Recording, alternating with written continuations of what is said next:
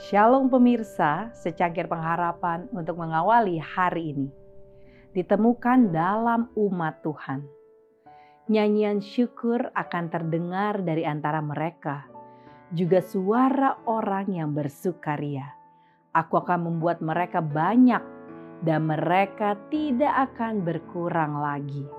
Aku akan membuat mereka dipermuliakan dan mereka tidak akan dihina lagi Yeremia 30 ayat 19. Banyak orang yang mengaku orang Kristen tidak menunjukkan agama Kristen yang benar.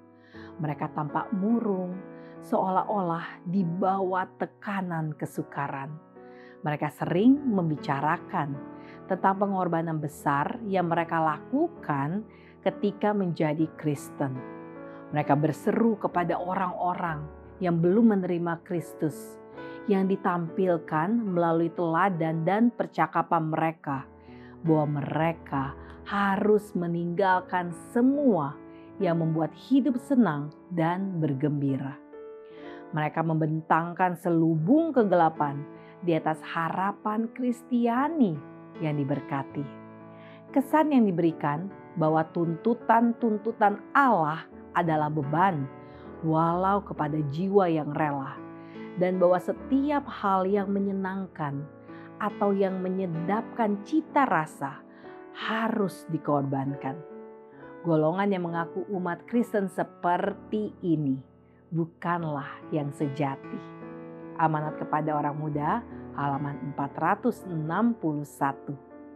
Ketaatan kepada juru selamat kita tidak mengurangi kebahagiaan dan kesenangan sejati kita dalam hidup ini.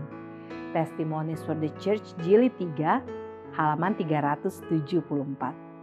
Apa pun yang Kristus minta kita tinggalkan, ia menawarkan penggantinya sesuatu yang lebih baik. Bila mana sekali pandangan diarahkan kepadanya, maka hidup itu akan menemukan pusatnya Tugas dan kewajiban menjadi suatu kesenangan dan pengorbanan menjadi suatu kegembiraan. Untuk menghormati Kristus, untuk menjadi serupa dengan Dia, bekerja bagi Dia adalah cita-cita kehidupan yang tertinggi dan kesukaannya yang terbesar. Seri Membina Jilid 3 halaman 278. Demikianlah renungan kita hari ini. Salam mulai harimu dengan secangkir pengharapan.